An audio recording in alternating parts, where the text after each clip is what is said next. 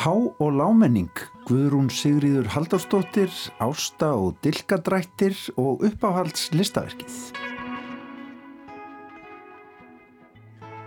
Ásta Kristjana Svinsdóttir sem starfa sem profesor í heimsbyggi við háskólinni San Francisco og kallar þar sig hreinlega bara Ásta, heimsækir viðsjá í dag og segir frá bóksinni Categories We Live By sem kom nýlega út hjá Oxford háskólaútgóðinni. Bókin fjallar um þar félagslegu flokkanir sem við notum dagstaglega til að skilgreina fólk og draga það í dilka. Ólaf Helga Helgadóttir, myndlistakona á Siglufyrði, segir frá uppáhaldslistaverkinu sínu í þættinu. Og Gauti Kristmannsson veltir fyrir sér muninum á há og lámenningu í bókmyndapisli sínum í dag. En við byrjum hins vegar við sjá dagsins í Hallgrímskirkju, þangað sem við fórum í heimsókn í morgun til að skoða síningu með verkum Guðrúnar Sigriðar Haldóstóttur heitinar. En þarna eru þau uppi í andir í kirkjunar, innan um alla ferðamennina á síningu sem að vinkonur hennar hafa nokkras saman komið upp. Meðal annars nafna hennar og kollegi í listinni Guðrún Erla Gerstóttir. En sem sagt, niður í kirkju Hallgríms Péturssonar á skólaverðuhálti höldum við.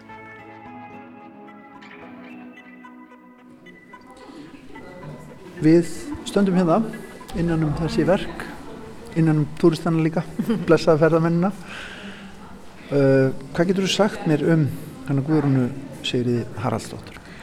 Nú, Guðrún Sigriði Haraldsdóttir uh, lést í oktober síðastleginin, þá runglega 62 ára komur. Uh, þetta er stelp úr borgarfyrðinum sem fór í nám, í myndlistanám í Breitlandi kom svo hingað heim og starfaði í leikhúsunum heilmikið og var ágætlega þekkt.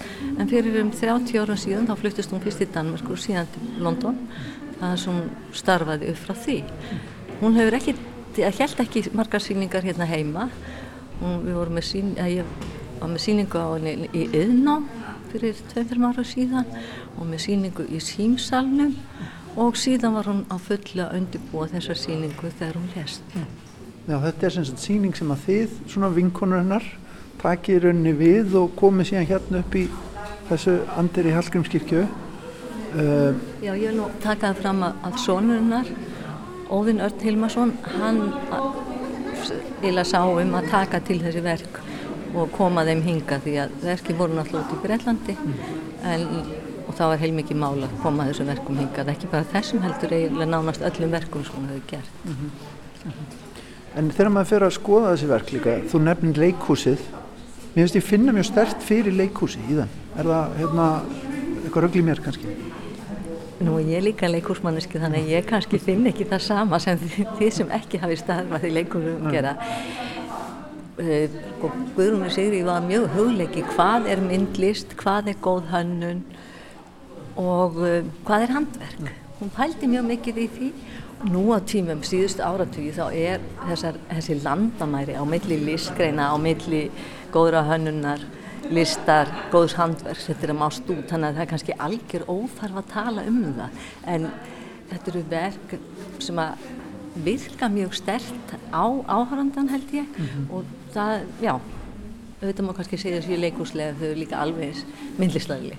Því að í mínum huga er leikhúsið velgerð umgjörð í leikhúsi er myndlistaverk. Ég hef alltaf hugsað þannig. Alltaf, já. Það er alveg rétt. En sko þegar maður fyrir að horfa á þessi verk þá sér maður líka hún er að vinna bara í, í ymsa miðla sem að hérna og það er sko meira sér blundur og allt mögulegt sem hún er að nota. Skýrnarkjólar hérna. Skýrnarkjólar, já. Og, og hérna, já, og hvítu skýrnarkjólar því hérna og tvö slifsi af, af konum sem eru settir inn í mynd það sem eru myndir, það sem eru ljósmyndir sem hún velur að kostkefni af konum Já. sem horfa svona til okkar. Og það sem að ég skrifaði nú lít, lít, lítinn pistil hérna í síningarskranna og þá sagði ég að þessa myndi myndi mig á piktorialisman sem er einmitt, var ansvar við, við gaggrinni að ljósmyndi væri ekkit nema handverk að það, sagt, þetta, það að vera ekki með skarpan fókus og skilja eftir meira fyrir áhorfanda til þess að pæla í það var ansvar og hún vinnur þannig þó að piktoristin hafi verið í kringum aldamóti 1900 ja. þá bara samt er þetta sama grunn hugsunin hjá henni ja. að þetta er eins og málverkið og teikningin og önnur hreina myndlistin ja.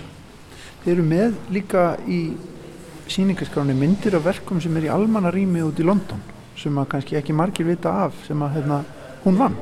Já. Hvað getur þú sagt okkur af þeim? Hún vann nokkra samkeppnir um uh, uh, listaverki almannarýminni í London og við völdum í síningarskrána verka þeim tveimur sem okkur fannst merkilegust.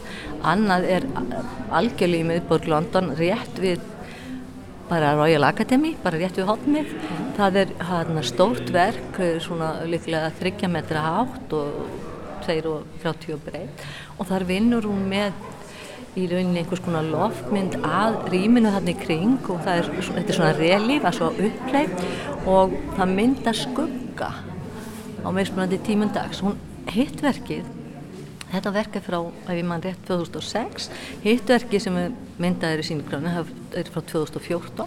Það er hún líka mynda með skuggamynd. Það er á, á umferðarmiðstöð í í London. Þar setur hún málmprófíl í lofti með útskortnum stöfum sem mynda setningar og, og setningarnar eða, eða orðin þau tengja þetta við frækt fólk og frægar staði í nágrunnu og það sama gerist þarna, það er gleðloft á þessari umferðarmeistöð og þegar að sólinn skýn inn á mismunandi tímum dags að þá mynda skuggi á veggi eða golf í rýminu. Já, Þetta eru mjög falleg verk og hérna því miður þá var við vinkonunum sögðu stundu við hann að þú verður að hana, koma eitt betur og framfæri heima á Íslandi, þú verður að láta vita þessu en hún leifti bara aukstum og sagði já já, ég gerir það. Svo var hún náttúrulega leiðin í það auðvitað.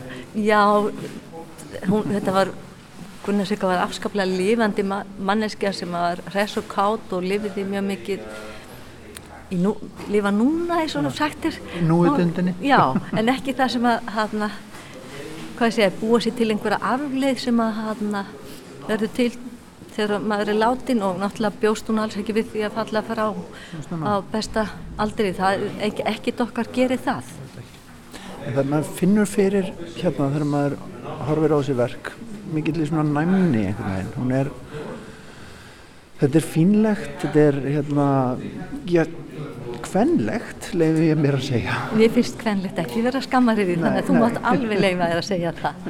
Maður er svo óvistundum um þetta allt saman. Nótkun orðana Nei, finnst það, er langt komið ég mann fyrir sko 30-40 árum síðan þegar maður fór að berjast fyrir þarna því að konum væri tegna gildar í myndlistinni þá var kvenlegt alltaf notað í gaggrinni sem skammariði en bara eins og dru, drusla eða feministi Já. þá er þetta bara góð og gild orð. Já, frábært orð bara. En það er, hún er, það er næm, næmni? Það er rosalega næmni og það er ekkert með verkin þau kveikja hjá mér sömu, sömu þessar verka, sömu tilfinningu og þegar maður á leiðum kirkjugar og gengur fram hjá gamlum leiðum. Og ég veit að það var eitt af því sem hún hafði mikinn áhuga á að skoða. Og nær þessu nákvæmlega fram þó ekki þessu séu krossar eða neinn minnismerki þannig. Og þetta, þessi menn hérna sem við erum að horfa á hér svona sem Guð á gluggan í mínum huga sko þá er það, eru þetta menn sem eru að koma eða eru þeir að fara þessi drengur hérna sem horfið spyrjandi á okkur ég, ég fæ kvakk í hásinn en það er líka kannski þetta með síning vinkonum minna sem Já. er fallin frá Já. Sko það sem að maður fyrir líka velta fyrir sér hérna þegar maður er inn í þessu rými sem að er svona, svona við það heila, þetta er svona andir eins heila hefðin í kirkjunni eh, og ég veit að það er stundum lagt aðeins út af þessum verkum sem hérna eru sett upp á síningum í predikunum presta þegar síningarnar eru opnar, opnaðar. Mm -hmm. að hérna hvað sérðu hvað svona trúlega tengingu finnur þú fyrir henni? Það, ég er ekki rétt að mannska til að spurja þessum vegna þess að ég er algjörlega trúlaus. En ég væntalega þeir sem eru trúaður finna uh, þessi verk sem að svona og við völdum á þessa síningu voru flest öll á síningu sem hún var með fyrir tveimur álu síðan í The Crypt Gallery í, undir kirkju í, í kvelvingum undir kirkju í miðborg London mm. og ég veit að hún gerði þau verk sérstaklega með það í huga að þetta væri, þetta væri rýmið, gallerið væri undir kirkju þannig að þetta passar alveg örgulega. Hins vegar eru hérna tvö verk sem hún var vann sem eru nýjastu verkinana. Það eru þessi hérna við hlýðin á böklunum. Já. Þetta eru verk sem hún var að vinna fyrir kirkjuna hérna og uh, í síningarskráni, hún var náttúrulega stór hjá hún Gunnar Sigga mín og í síningarskráni erum við með skissur hún búin að gera að sko, hún hugsaði sér að vera ekki bara hérna í andirinu heldur farin í kirkjuskipið og vera með einhvers konar í glukkonum hérna. Í stóru glukkonum. Já, og við erum með hérna við hliðin á hörðinni vinstamegin, þar erum við með eina skissu. Eina skissu sem hún, já, afskaplega fallega. Já. Þetta hefði komið fallega út, já, alveg einbist.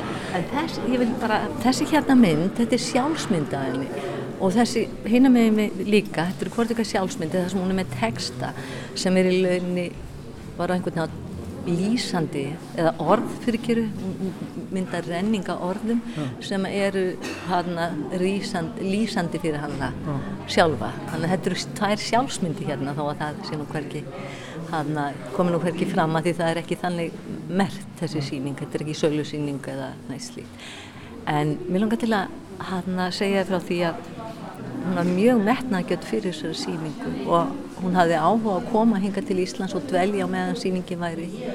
Og hún, við rættum um það hvort hún geti ekki leikt sér vinnurrými, kannski eitthvað sem auðurrýmum sem að standa á jarðanum í hverju skutana sem var nýju húsan sem núna fikk þar sem hún væri með opna vinnustóðu og gæti þá verið með minni verk sem hún hefur gert og sínt þar og slíkt. Og við áttum svona, hún átti sér stóra og mikla draum um, um þessa síningu en það er þessi staður alveg frábær að síni, þetta er fallega hátir lofs og fallega í veggi hérna. Mm. og ekki er það slæmt að það skuli um 50.000 manns fara hér í gegn. Við heyrum það hér á, á mánuðu hverjum þannig að meðan að síningin stendur 50.000 á mánuðu? Ég var að spurja Ó, og þannig að ég held þetta verið misminni hjá mér. Þetta er besti síningustæði landsins líka. 150.000 manns munum ganga hér um ekki fara allir upp í törnin því Nei. það er ekki nema um það byrja helmingur þess að kemur hér sem að fer upp í törnin aðri fara bara hérna um andirðu og kikið inn í kirkina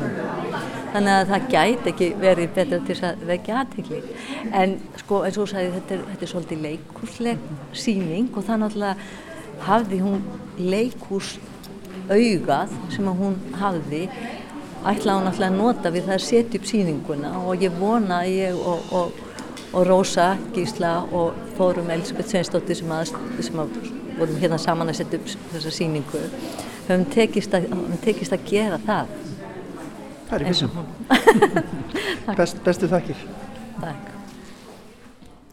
Og þarna var rætt við Guðrúnu Erlu Gerstóttur myndlistakonu um síningu á verkum nöfnu hennar heitinar Guðrúnar Sigriðar Haldóstóttur sem að nú er uppi í Anderinu í Hallgrímskirkju. En yfir í bókmyndunar? Já, Kauti Krismansson er hér komin með bókmyndapistil vikunar. Hann fjallar um há og lámenningu í pisli sínum í dag. Er eitthvað til sem heitir lámenning eða hámenning? Sumi fræðimenn segjuðu að þetta sé bara tilbúningur. Aðrir að orðin standi bara fyrir afstöðu yfirstjættar til menningar afverða alþýðunar.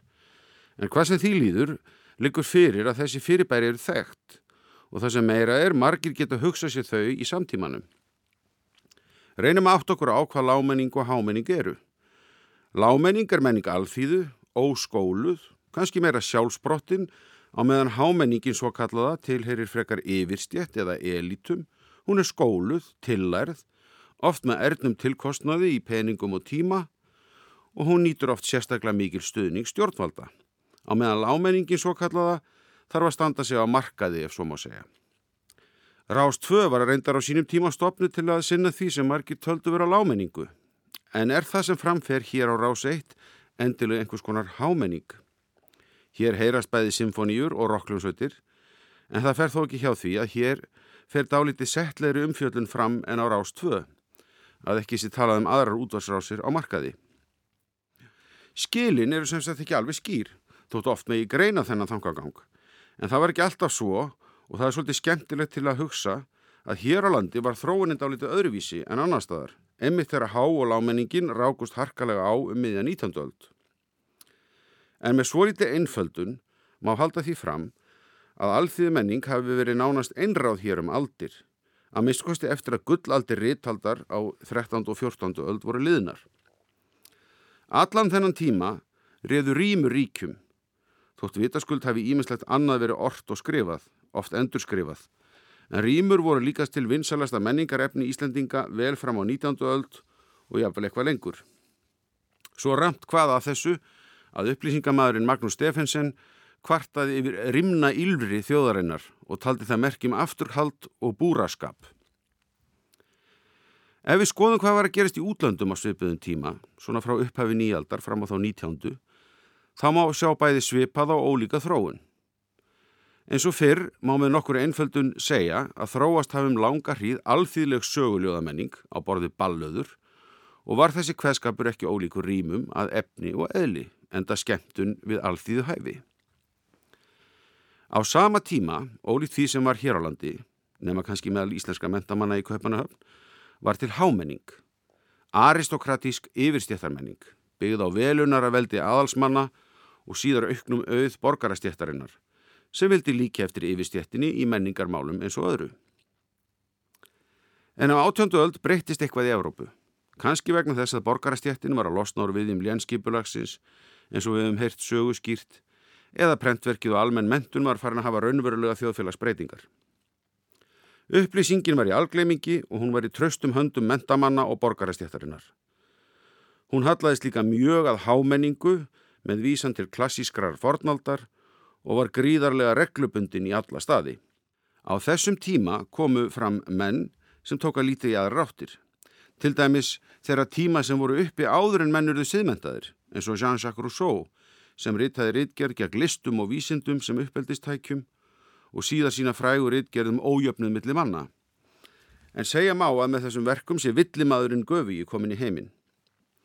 Aðri mentamenn eins og þinn þýski gotthold Efraim Lessing vildu líta frá frökkum og klassisisma þeirra til Norðurs, til Shakespeares og síðar komu frá mentamenn sem vildu skoða norrannar bókmentir, eitt sagfræðingur Danakonungs, Paul Henry Mallet, Jóhann Gottfried Herder og ekki síst sakfræðingurinn merki Ágúst Ludvík Slötsa en hann skrifaði litla en merka bókum íslenskar bókmyndir og sögu þegar árið 1773.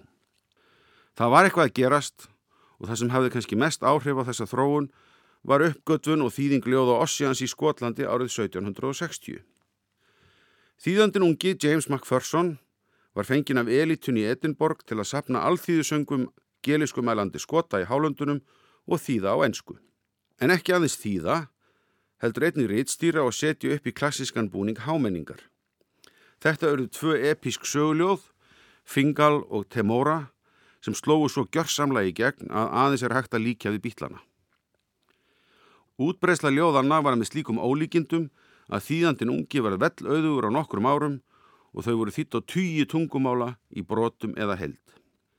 Samtímis mættu þau miklu mótbyr á Breitlandsegjum. Írar töldu þau vera stólinn þjóðkvæði sín og Fingal væri Finn McCool. Á sama tíma töldu enskir mentamenn á borði Samuel Johnson þetta vera falsanir og tilbúning og einhver tíma þegar hann var spurður hvort einhver nútíma maður geti ort svona ljóð svaraði hann Já, herra minn, margir menn, margar konur og mörg börn. Deilurnar tóku heila öld og er reynar ekki enn lokið því enn má sjá virðulega fræðimenn fróðu fellað bræði yfir sveikum Macphersons. En á sínum tíma voru þetta lang vinsælustu tekstar sem upprunnu sinn áttu á Breitlandsegjum og voru þeir þýttir markfald á við aðra og er það Shakespeare ekki undan skilin. Hér á Íslandi þýttu menni svo Bjarni Torrensen, Jón Esbólin, Jónas Hallgrímsson, Sveinbjörn Egilson, Grímur Tomsen, Stengurmur Tostensson, brotur þessum hvæðum og Jónas á að hafa kunnað danska þýðingu steins blíkjars utanbókar. En hvað bjóð þarna baki? Ekki síst hrifningu euróskra mentamanna. Það var svo einfalda staðrind að Macpherson hafi tekist að finna og setja fram klassíst verk úr þjóðmenningu sinni, smáþjóðar gelísku mælandi skota og þar með var menningaleg ímynd þeirra vaksin upp úr allu valdi. En það var þessum hvæðum líkt við hómerskviður að fjölmörgum málsmendandi mönnum. En hvað hafði Macpherson fundið?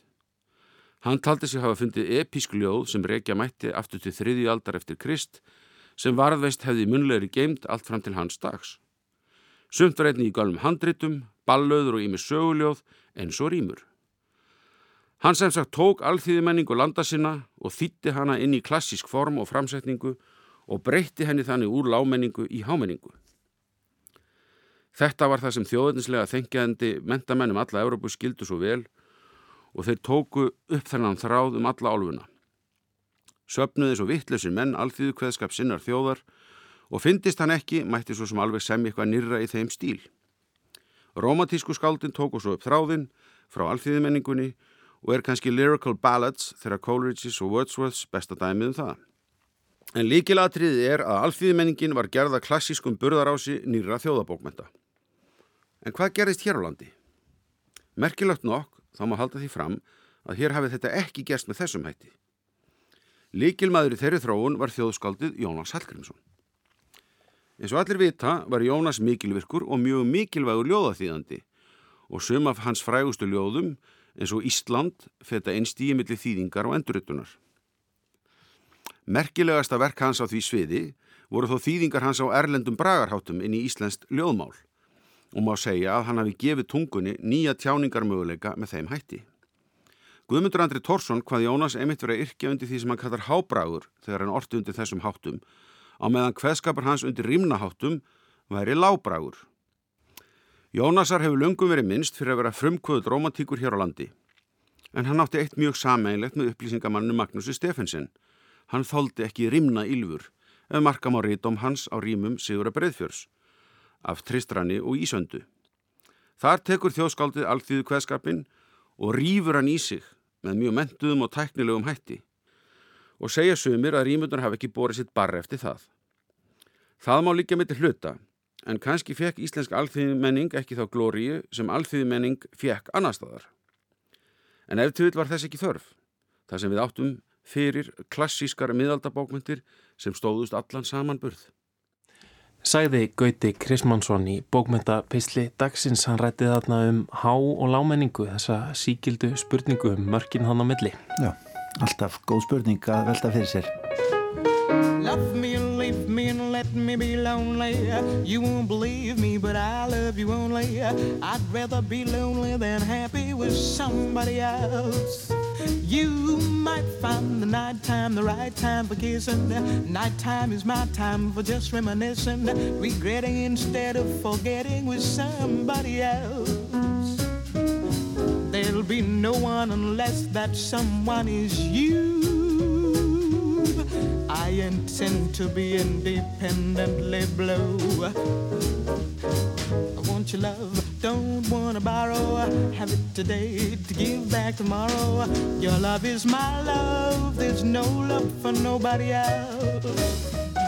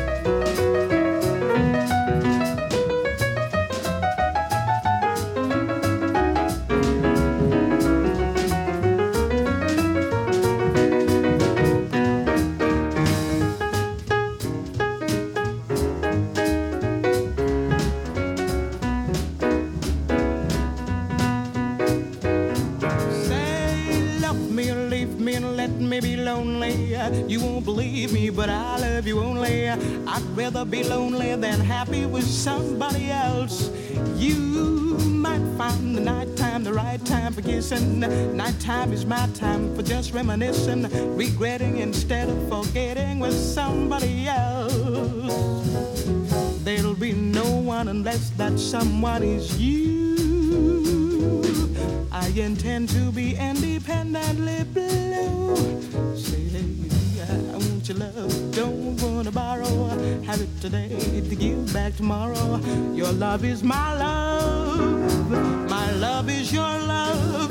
There's no love for nobody else.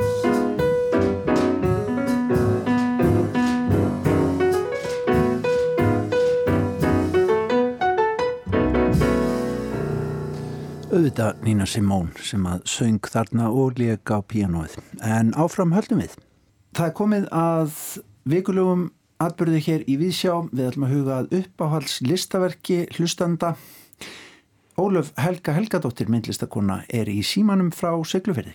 Uh, það er verkið uh, Odd Men Out sem að væri kannski hægt að þýða sem hins staki sem að er verk eftir myndlistakonuna Spartacus Chatwin sem hún síndi í Sadie Cole gallerínu í London árið 2011.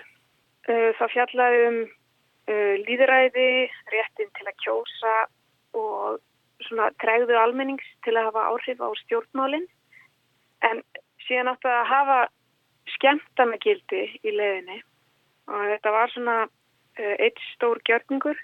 Þannig að þegar þú komst í gallerið þá var búið að breyta andirinu í uh, kjörstað og þú fegst uh, kjörsegil í hendurnar áttur að velja. Það voru svona nokkri möguleikar. Ég fann nefnitt í gróf einmitt upp kjörsegilin og það voru möguleikar eins og eh, taka við Jeremy Clarkson, það var gaurinn í Top Gear og síðan var uh, flokkur fólk sem trúir á guðdómlega sköpun heimsins, síðan var flokkur sem hétt mæður heimsins og flokkur fólks með mjölkur óþól, eh, alvöru bækur, íhaldsamar megar, skoskir þjóðarnissinnar, eh, Style Council hljómsettin og deilt kvenna gegn hotlustu. Eh, síðan var, voru Rómans börn og flokkur betri vína svona þýtti þetta.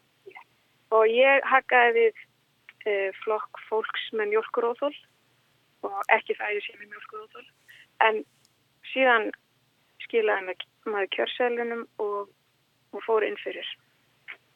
Þá blasti við manni rými sem að var svona vegginnir að búið þekja veggina af svona risastórum ljósiritum það var svona myndir, engi texti.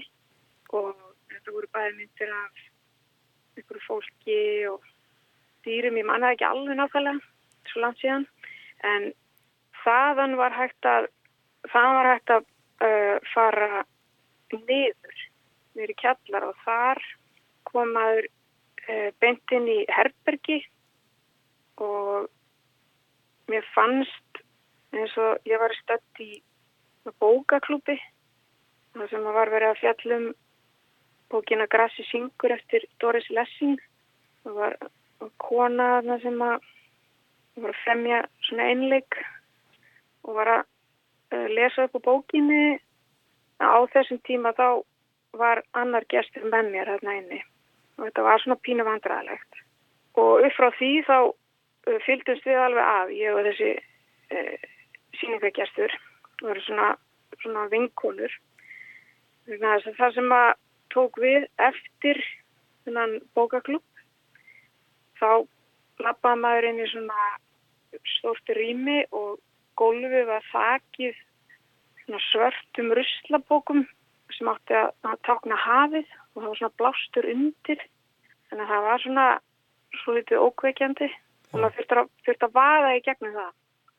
Og ef maður gæti það þá var maður stattur inn í herbergi og þar var svona brúðuleikús sem maður tók þátt í fekk brúðu og það var verið að setja á svið eitthvað, eitthvað svona helgileik úr hérna Jésús og Barrabas og þetta var átt að gerast á því mómenti þegar, þegar það var púað á Jésu og almenningur hrópaði að þetta frelsa Barabbas en krossfesta Jésu.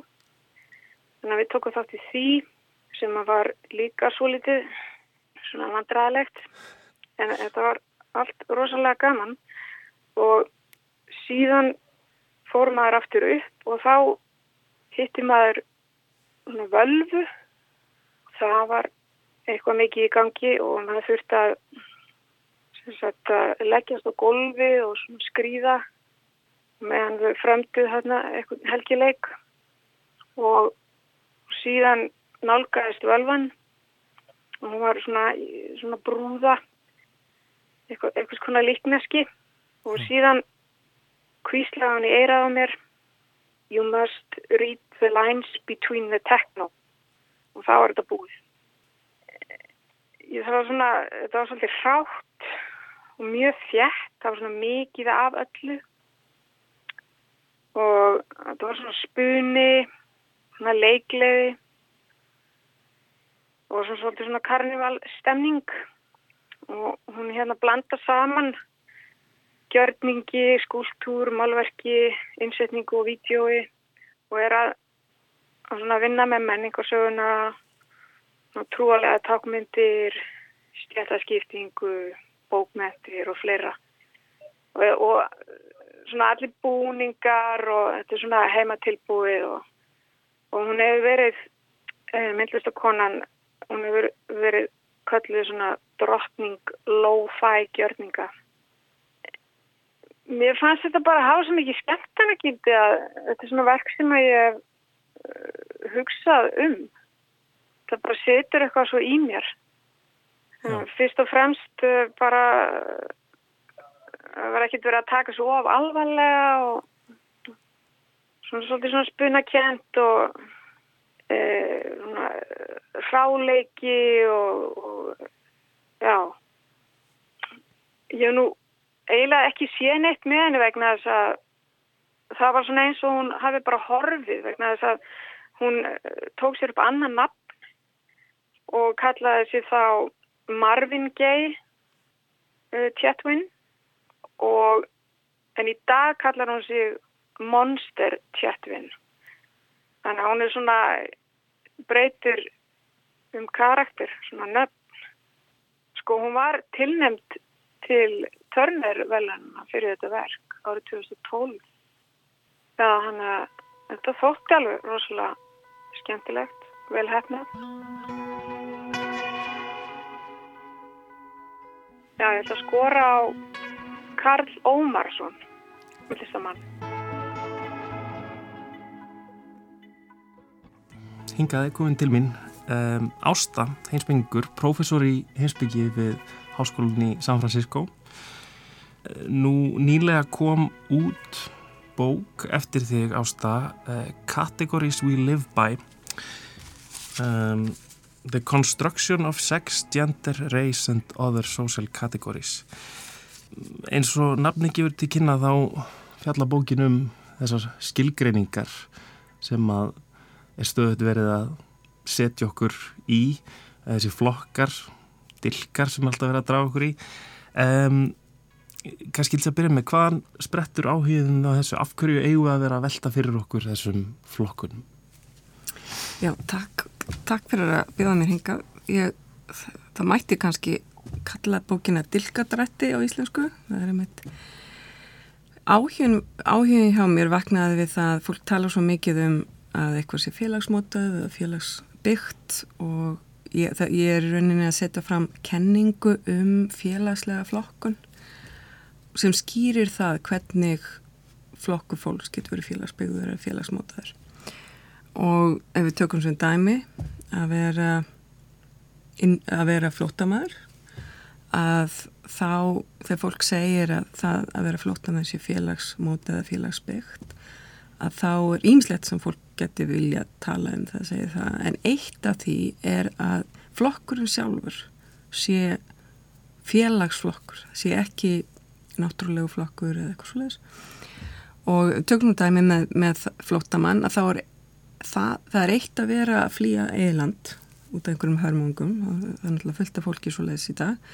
Og svo er annað að fá einhverju ákvæmna stöðu sem flottamæður til dæmis hérna á Íslandi þar sem að fólk kemur fram við öðruvísi eða heldur þú sér flottamæður mm -hmm. og ég skýri þess að svo að það sé það sé tveir einleikar sem hafið þarna.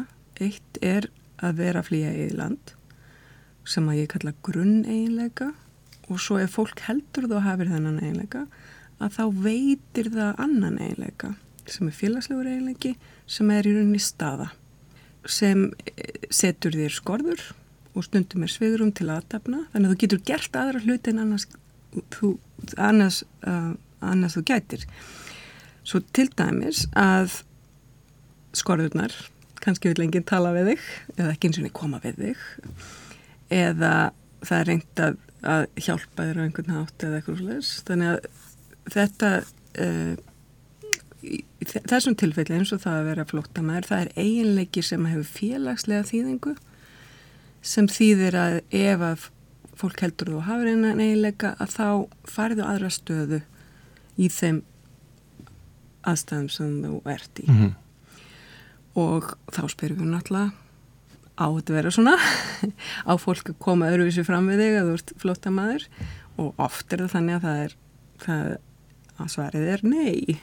Til dæmis ef þú ert blind. Það er annað svona dæmi þar sem að það eitt er að vera blind og og sjá ekki allt sem að sumir aðri sjá og eitthvað svo leiðis og annað er að hafa stöður sem blindur þar sem fólk kemur fram við þeirra og kannski talar ekki við þig hlustar ekkit á það sem þú segir ég þá að sé ekkert að, kannski ert þú helst í sérfræðingur á, sviðinu sko en, en, en, en fólk hegða sér eins og að vegna þessur blindur og þá er eitthvað annað í gangi líka og það eru svona viðmið og væntingar sem að koma með þessari stöðu sem að þú færð. Þannig að það að leggja fram svona kenningu að þá getum við, það er greinað þetta í tvent að segja, tala um grunneinleikan og svo þennan veittan einleika, þá getum við farið að spurja. Er réttlætinlegt að við komum til að hafi þessa stöðu vegna þess að hann, hann haldið er að hann hafi þennan grunneinleika? og stundum er svarið nei, það er ekki réttlætanlegt. Emitt. Emitt. Þegar þú segir staða þá, þá áttu ekki við einhverja svona opimbera stöðu, stöðu flótamanns til dæmis heldur, þú, þú meinar hann fær einhvern veginn stöðu í þessum samskiptum fólks í rauninni?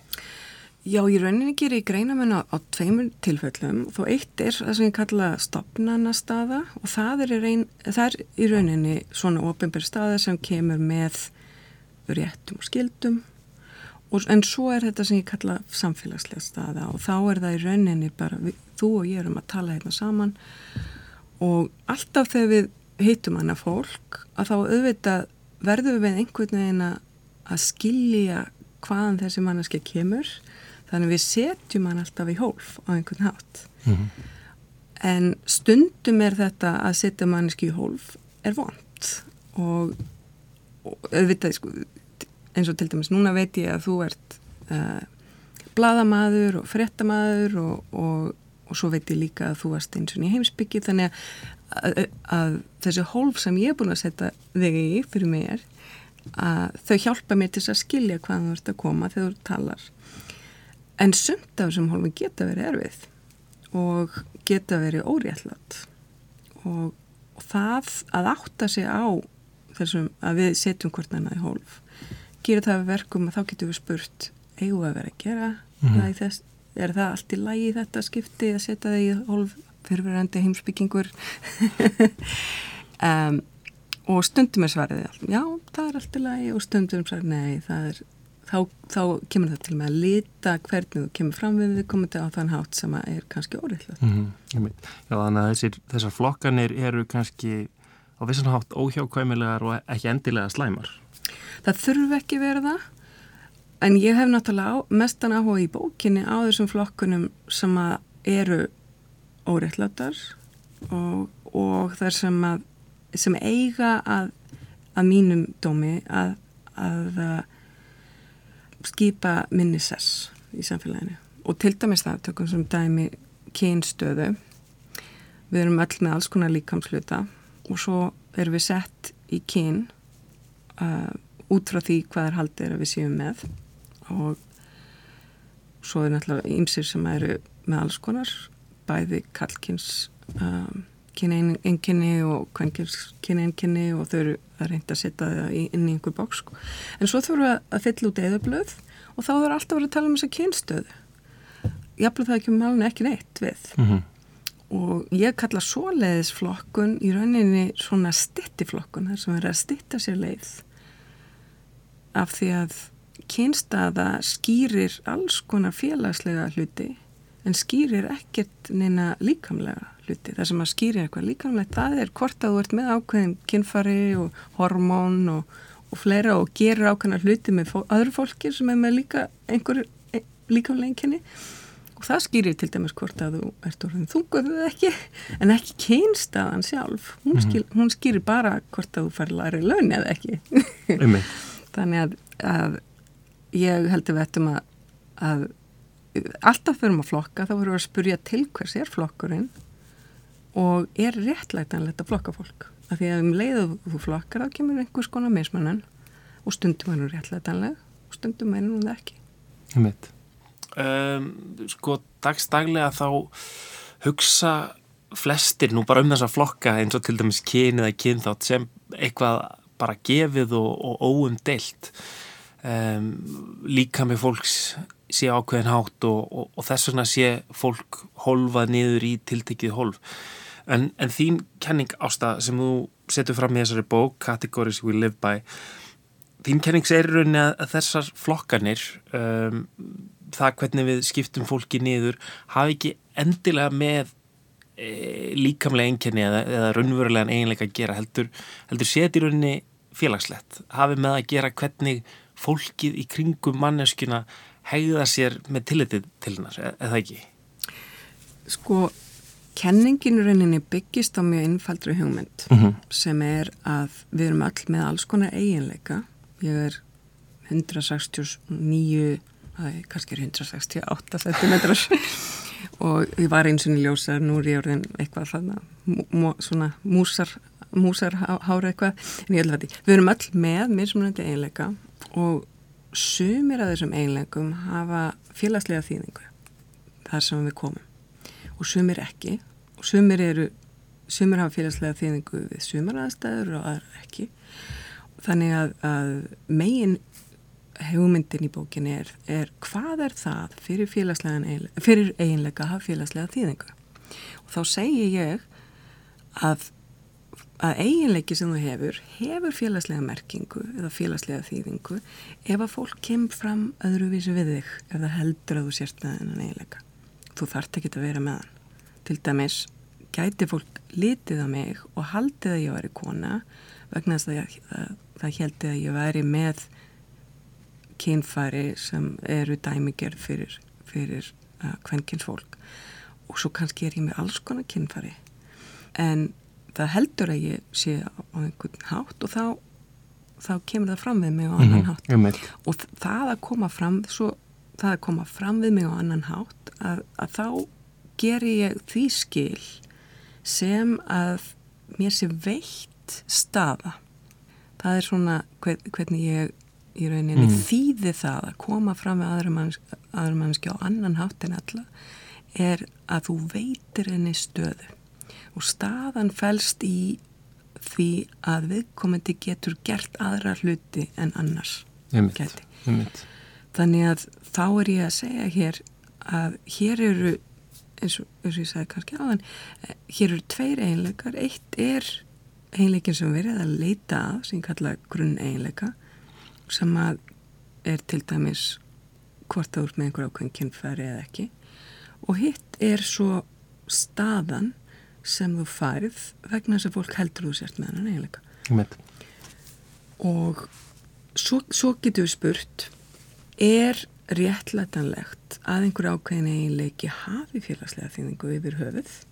Svo getur við líka spurt jafnvel þótt að sé réttlætanlegt að, að einhver eiginleiki hafi félagslega þýðingu er réttlætanlegt að hann hafi félagslega þýðingu við þessar aðstæðar og svo er þetta að spurja jafnvel þó að sé réttlætanlegt, þannig að hafi félagslega þýðingu við þessar aðstæður, er þetta staðan sem að er réttlætanlegt miða við hvaða eiginleiki það er? Og stundum er svarið, nei. Mm, hérna, núna undarfarið hefur verið rosalega mikil umræð og mikil sko vitundavakning meðal margra svona undir okkara hópa þar sem að þeir eru að hérna, já, gaggrina hvernig hefur komið fram við það og, og, og grípa oft sko í þessar kannski flokkanir til þess að sameinast um, um þetta sem hefur kallað sjálfsmyndarpolitík er um, þessi bók einhvers konar yngripp eða á hún í einhverju samræðu við já, þetta sem hefur verið í gangi und, undavarið? Hún á það að ég til dæmis tala, það að segja að kyn sé, sé í rauninni lagalegur einleiki og, og sé stopnana, sem ég kalla stopnana einleiki, það er ekki, hjá mér er það ekki líkamlegur einleiki, það er náttúrulega, um leiðu þú segir það, að þá getur þú spurt, er réttlætanlegt að maður hafi þessa kynstöðu, uh, hvað er réttlættu það að maður hafi einhver ákvæmna kynstöðu? Er það vegna þess að maður með einhver ákveðin kynfari eða einhverja litninga eða er eitthvað annað sem getur réttlega þessa kynstöðu mm -hmm. og það í rauninu opnar umræðina þannig að við getum spurt hvað réttlætur það að vera að hafa einhver ákveðina kynstöðu og þá verðum við náttúrulega að spyrja til hvers er þessi kynstaða? Hvað, af hverju erum við með þessa kynstöðu og ég veit að það er náttúrulega mjög margir sem að margir og marg og sem að eru mjög hlindir því að hafa kynstöðu og ég vil styðja það fólk sem að vill hafa einhver ákvæmna kynstöðu að hafa þá kynstöðu. Ég sjálf vildi gætnan að kynstaðan skipaði minni sess í þjófélaginu og við værum ekki alltaf að, að segja á hvaða kynstöðu við mm -hmm. værum. Þannig að til dæmis ef þú fær til læknis að þá er það ekki kynstaðan sem skiptir máli hvort að það og ættir að fara í skoða, skoða legið og sjá hvort það er eitthvað í lagi eitthvað svona. það er ekki hvort þú kynst að það fylgta konum sem hafa ekkit leg en það er frekar hvort þú ert með leg eða ekki mm -hmm.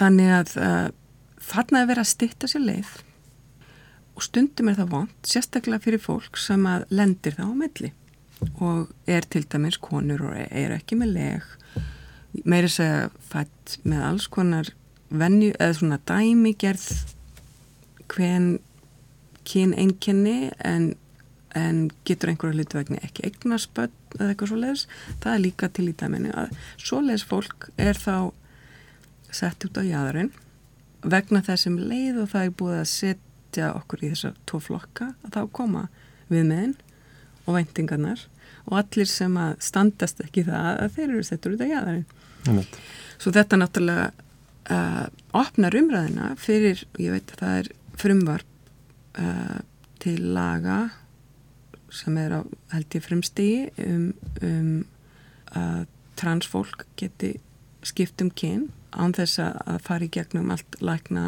og, og sálfræði báknið sem ég stið þannig að þetta opnar sko umræðinu fyrir það vegna þess að við getum spurt á hvaða forsöndum verið að setja fólk í kynstöðu Einmitt. Það verður einmitt líka verið gaggrínt um, Amnesty International og mér er að gaggrína um, Ísland núna bara nokkuð nýlega fyrir það að, um, að, að, börn, að börnum séu í rauninni e, börnum sem fæðast intersex séu veitt ákveði kyn. Já, uh, það er nú bara hræðilegt. Það er bara hræðilegt að fólk sem er millikins að það sé skurðn yfir þar sem að fari og búið til einhver skúldur til þess að líti svo út að, að, að við komandi komist inn í eitthvað lítið bóks mm -hmm. þetta, þetta er bara algjör skandal þetta þarf að, þetta þarf að þessu þarf að breyta hér snarasta. Emitt, emitt um, Þetta er áhugavert. Um, kannski svona bara að lokum ég sá að þú ert að fara að rittstýra bók sem kemur út hjá Oxford Háskóla útgóðinu um, um, um feministka heimsbyggi Já, við erum nú alveg að ljúka við hana. Já. Já, það er eins gott.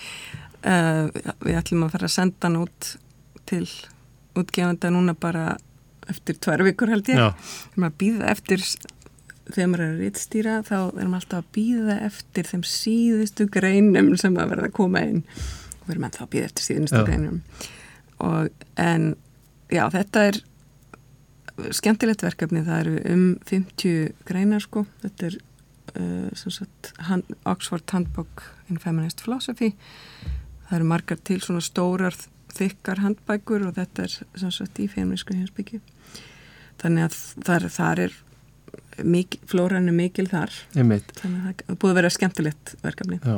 Þetta er náttúrulega, heimsbyggin hefur eiginlega verið svolítið alræmt fyrir að vera svona eiginlega bara karlægasta háskólagreinin lengi vel og, og, og kannski feministka heimsbyggin verið kannski svolítið á jæðrinum. Hvernig er, er það eitthvað að breytast? Já, ég vona það náttúrulega. Ég vona það. Það er alltaf stefnan að heimsbyggin verð, í rauninni stefnan hjá mér er að heimsbyggi, að feminist heimsbyggi verði svo ekki til. En það er eins og þegar, þegar kvennaframbóð stefnir að því að þurfi ekki vera til, feminist heimsbyggi stefnir að þurfi ekki vera til, en því meður þá þarf hún en það að vera til. Já, en það, það er svona í ákveðnu grein heimsbyggin þá, þá er eitthvað af því sem að sem feministar hafa verið að hugsa og tala um er komið inn í, í svona meginumræðina en svo eru í öðrum greinum ekki.